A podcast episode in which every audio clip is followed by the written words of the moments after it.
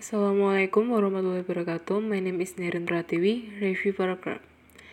The attack began at noon and reached a climax at about 3 o'clock. Shortly after this, our infantry, led by Captain Andrews, advanced slowly. A gas attack was feared and its men carried a gas mask. Exactly at 4 o'clock, however, according to plan, the bombardment stopped and our main troops attacked. The troops fanned out and in this manner rapidly approached the enemy lines. The enemy, lacking any assistance, attempted to withdraw, but advance units of our troops were already attacking both their flanks.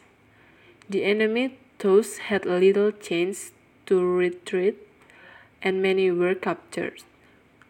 The entire action was accomplished exactly according to plan, and Captain Andrews, who had actually planned the attack, was praised by the High Command for his admirable work.